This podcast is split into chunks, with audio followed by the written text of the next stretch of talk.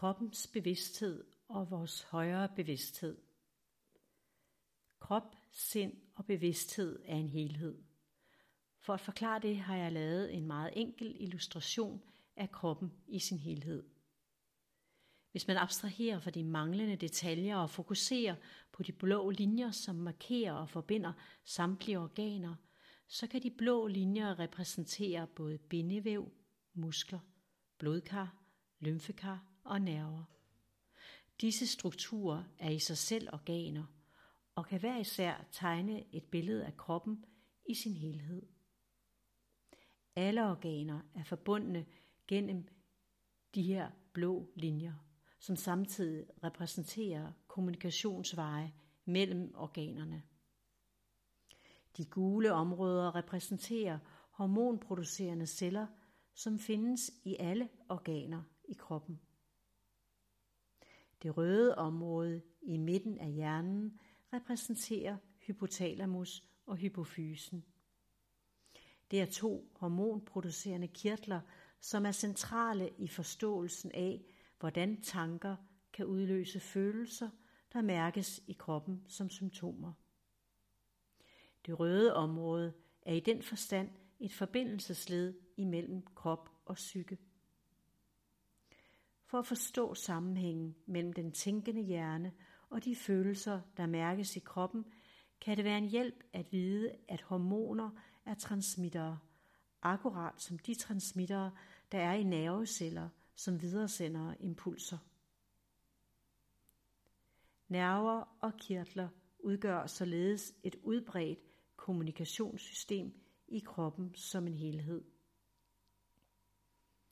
Det røde område midt i hjernen kunne kaldes det hormonelle område i hjernen, hvorfra hypotalamus og hypofysen udskiller hormoner, som påvirker hele kroppen. Det er i dette område af hjernen, hvor den fysiske reaktion på angst opstår gennem et neurohormonelt respons, bedst kendt som HPA-aksen, som står for hypotalamus, hypofyse, adrenerve akse. En akse er her et udtryk for en kommunikationslinje mellem organer. I HPA-aksen foregår kommunikationen imellem hjernen og binyrerne. Med andre ord, tanker og billeder i hjernen kommunikerer direkte med binyrerne.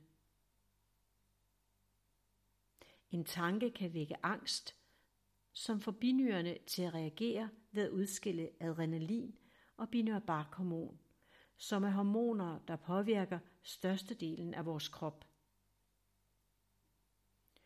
HPA-aksen er således en vigtig kommunikationsvej i kroppen, hvis aktivitet øges, når kroppen er stresset.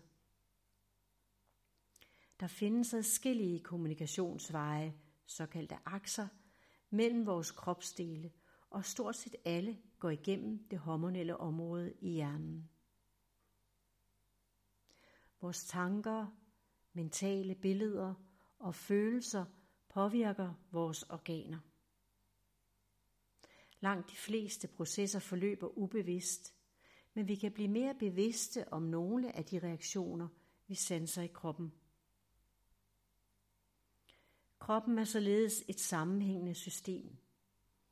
Alle organer er forbundet direkte eller indirekte og kommunikerer via elektrolytter, transmittere, vitaminer, hormoner og mange andre vibrerende atomer og molekyler. Kommunikationen foregår på mange forskellige måder døgnet rundt, uanset om vi er bevidste om det eller ej. Vi kan eksempelvis gå i seng om aftenen i velbefindende og vågne den efterfølgende morgen med et uforklarligt ubehag i kroppen. Der foregår tydeligvis noget i kroppen, imens vi sover.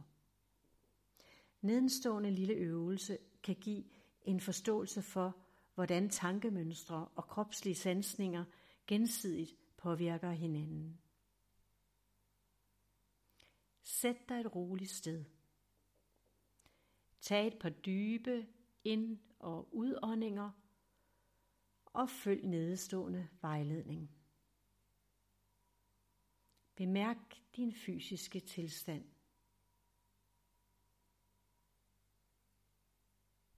Bemærk de tanker, du lige nu gør om den.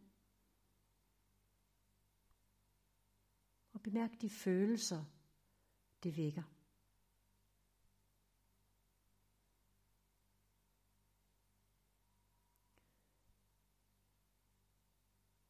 Fokuser på en følelse, du kender.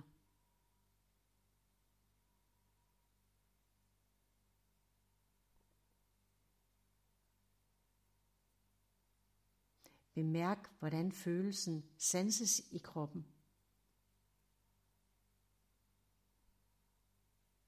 Bemærk, hvilke tanker eller billeder denne følelse vækker.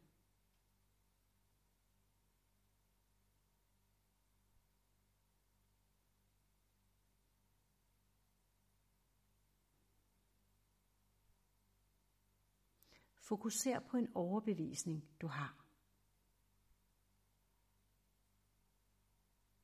Det kunne være en overbevisning om, at du ikke er god nok eller ikke gør det godt nok.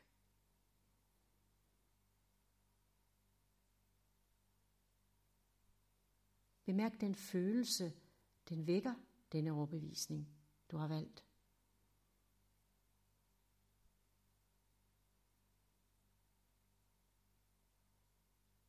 Bemærk, hvordan følelsen sanses i kroppen.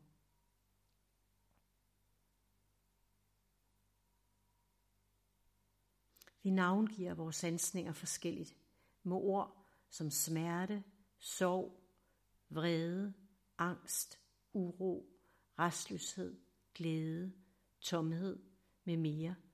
Og det gør vi ud fra vores tidligere erfaringer og vores kulturelle baggrund. Følelser er en subjektiv oplevelse, skønt de kan have det samme fysiologiske udtryk, som tårer, der kan trille i sorg, i glæde og i vrede. Ordet smerte bliver mere nuanceret, hvis vi tænker på en person, der lider under fysisk smerte, og en person, der lider under sine følelser.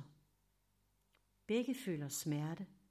Den opleves og udtrykkes blot forskelligt, da den er faret af deres personlighed og den kultur, de er opvokset i.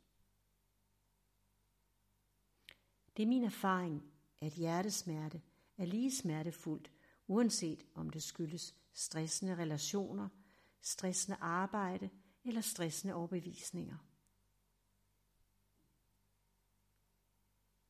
En af mine klienter led under tilbagevendende brystsmerter, som kom, når han følte sig presset. Han var grundigt udredt, lægeligt set, og alligevel havde han smerter. Det viste sig, at han savnede et større frirum, både på jobbet og derhjemme.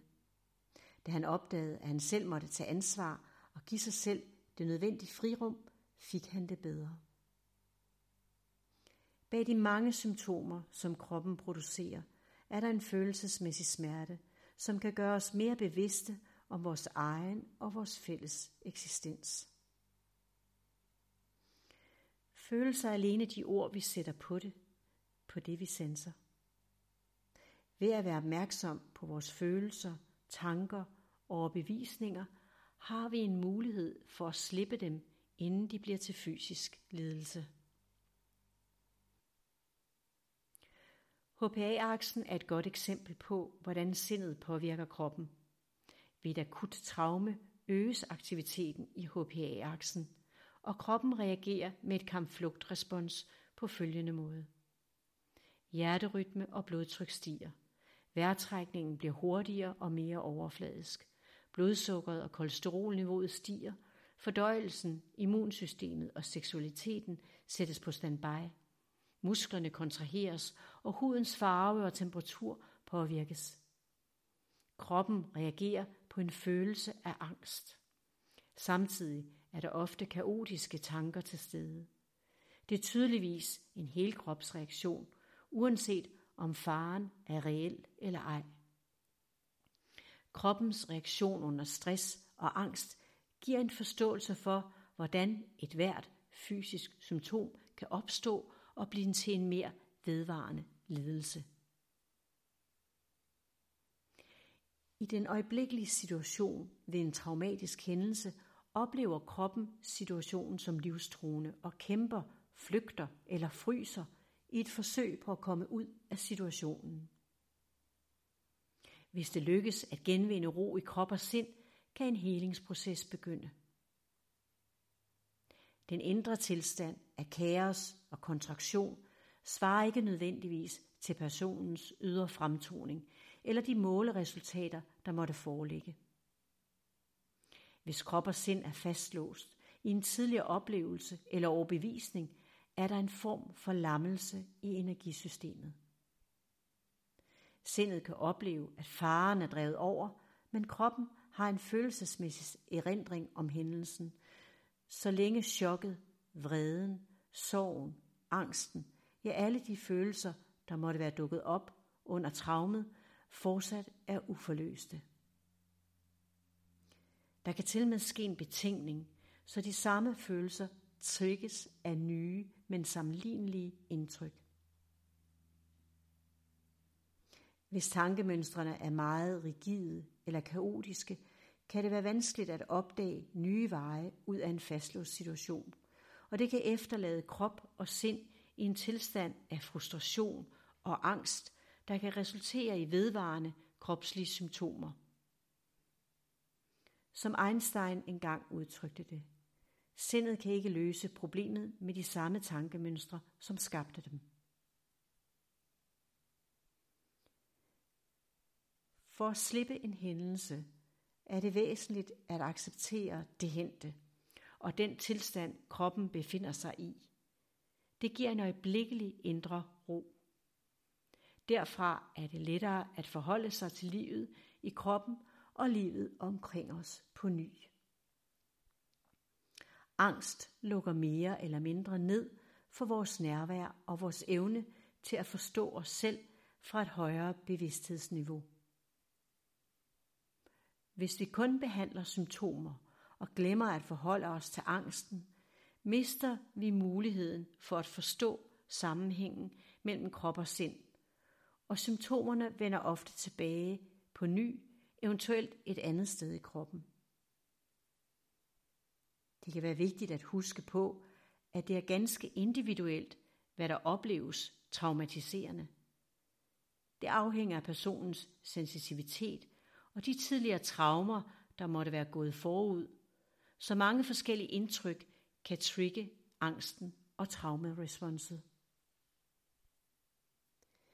HPA-aksens aktivitet øges, når krop og sind er i en stresstilstand, for bedre at kunne håndtere situationen. Under vedvarende stress er krop og sind mere eller mindre konstant i en overlevelsestilstand, og derfor sårbar for at udvikle vedvarende symptomer og infektioner. De kan aftage og forsvinde gennem forskellige individuelle tiltag. Samtidig er det væsentligt at forholde sig til det, der udløser stressresponset, så det ikke på ny giver anledning til symptomer og lidelse. I en tilstand af indre ro og fred er kroppen i stand til at genopbygge og hele sig selv. Derfor er det væsentligt at genkende tilstanden af indre ro og fred. Det er en enkel og direkte tilgang. At søge i det ydre efter det, der forvolder lidelse, eller det, der måtte stille lidelsen, kan være lidt som at lede efter en nål i en høstak. Kroppen kan helbrede sig selv, uden at sindet er bevidst om det. Kroppen er en sansende organisme, som sanser gennem huden, musklerne, nerverne, hjernen, næse, ører, øjne, mund, ja alle organer, også imens vi sover. Her følger et eksempel på, hvordan hele kroppen sanser og bevidstheden registrerer. Med lukkede øjne inviteres en kvinde til at stikke sin hånd i en pose, uvidende om indholdet i posen. Sansningen begynder allerede inden hånden er kommet i posen, i det hun får tanker om, hvad der kan være i posen, som sætter gang i nogle følelser og forventningsbilleder om indholdet. Med hånden i posen sanser hun genstanden med huden, musklerne og nerverne, der sender besked til hjernen, som danner nye forestillingsbilleder og følelser ud fra det sansede. Ved synet af genstanden, når den er ude af posen, ændres forestillingsbilledet og følelserne endnu en gang. Efterfølgende er hun i stand til at reflektere over processen. Det er tydeligt, at oplevelsen indebærer sansninger i kroppen som en helhed, og det, der oplever sanseoplevelsen, er bevidstheden. Hjernen og nervesystemet er et organ, et redskab, som modtager og koordinerer sanseindtryk og danner billeder. Hud, bindevæv, muskler, kar, nerver, kirtler, ja alt det vi berører eller berører os af, medvirker til oplevelsen af det sansede. Vi er afhængige af vores omgivelser for at opleve vores fulde fysiske eksistens. Vores fysiske krop berører os allerede i livmoderen og under fødslen. Efter fødslen fortsætter rejsen i at opleve og at kende vores fysiske eksistens. Mennesker, der er fuldstændig isoleret for omgivelserne, lider ofte, med mindre de er dybt forenet med deres dybere selv, så deres fysiske eksistens er uden betydning.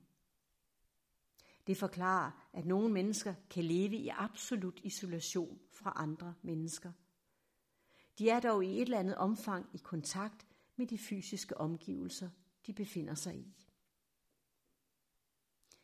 Cellerne i vores nervesystem og alle de andre cellesystemer, som hud, bindevæv, knogle, muskel, øjne, næse med mere, har en bevidsthed om deres unikke eksistens og specifikke funktion. En bevidsthed, der kan beskrives som en vidshed om egen eksistens, som gør, at den enkelte celle bevarer sin identitet som den celletype, den er. Akkurat som et menneske har en vidshed om at være et menneske. Den enkelte celles bevidsthed er sammenhængende med bevidstheden i kroppens øvrige celler og organer, for uden vores højere bevidsthed.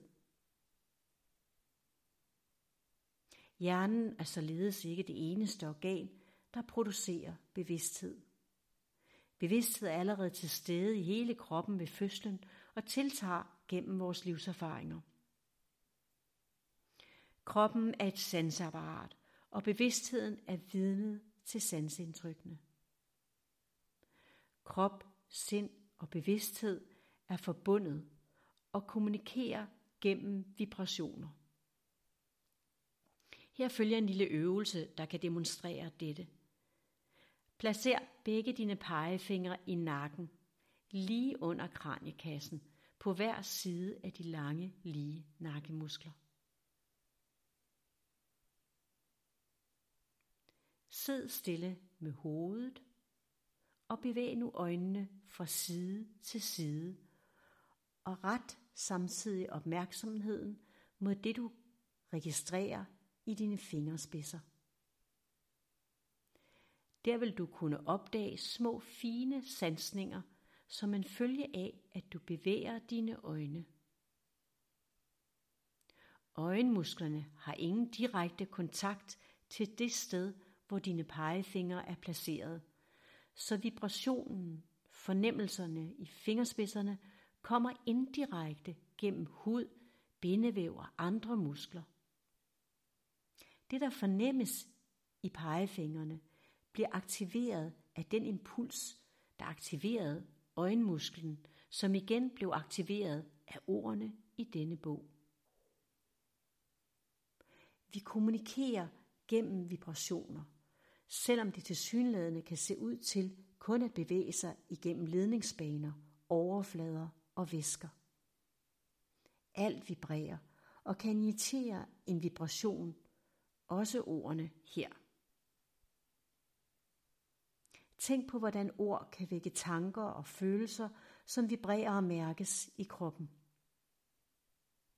Vi kan ikke være fuldt opmærksomme på de mange forskellige vibrationer, der er i kroppen fra øjeblik til øjeblik, og de færreste er vant til at forstå sig selv som et energetisk væsen.